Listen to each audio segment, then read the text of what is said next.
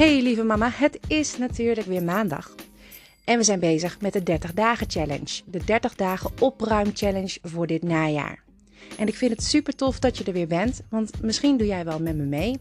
Doe je niet mee, doe dan vooral wat inspiratie op. Het hele opruimproces beginnen we in uh, één hoek en dat is de textielhoek. Nou hebben we al heel veel dingen opgeruimd, zoals de jassen. Uh, gisteren hebben we dat gedaan. Maar vandaag kun je ook eens gaan kijken naar je theedoeken en je handdoeken. Het is maar een klein onderdeel. Je hebt het ook bijna zo gedaan, hè? omdat vaak heb je daar uh, gewoon een aantal van. Ben je daar doorheen, dan is het ook gewoon klaar. Maar wat het leuk is, als je er gewoon even goed aandacht aan besteedt, is dat je ook een bepaalde opruimmethode daarvoor kan hanteren. Je kunt ze vouwen, je kunt ze rollen, je kunt ze bewaren in een bak in de keuken. Dan heb ik het over de theedoeken. De handdoeken verdienen eigenlijk wel een mooie kast waar je ze mooi in kan bewaren.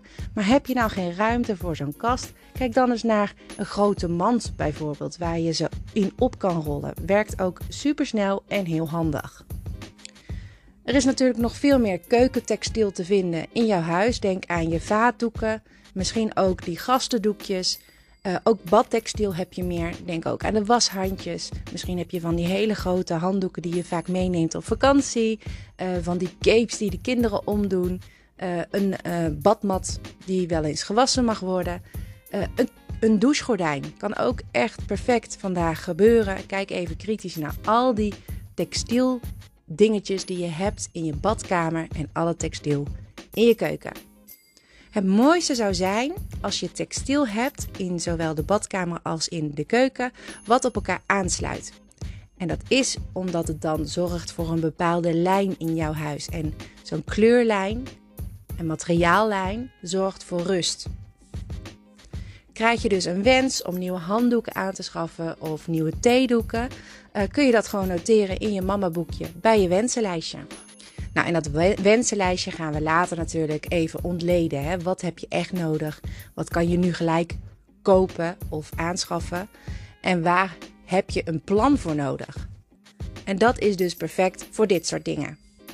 Investeren in nieuwe theedoeken en nieuwe handdoeken, ja, dat doe je niet zo snel, omdat het natuurlijk uh, ja, al heel erg duur is op het moment. En zeker met die seizoenwissels krijgen we veel meer kosten. Kijk naar je kinderen, wat ze allemaal moeten hebben voor school, uh, wat ze moeten hebben om aan te kunnen doen, om zich warm te kunnen houden met de winter in zicht.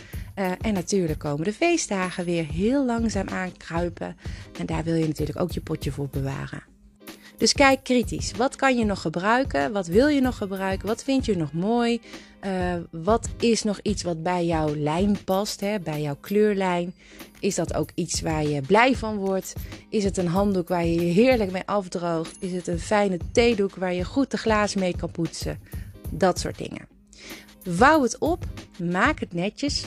Zorg voor, je, voor een goede opbergplek.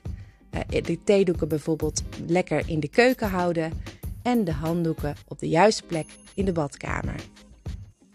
Misschien je douchegordijn even wassen, je badmat even wassen. Misschien zijn ze aan vervanging toe. Schrijf het op op je wensenlijstje. Nou, dat is de opdracht voor vandaag. Ik wens je heel veel succes weer. En morgen ben ik er weer om 6 uur, want we gaan er 30 dagen over doen. Dus we zijn nog even bezig. Morgen weer een nieuwe opdracht. Tot dan. Doeg!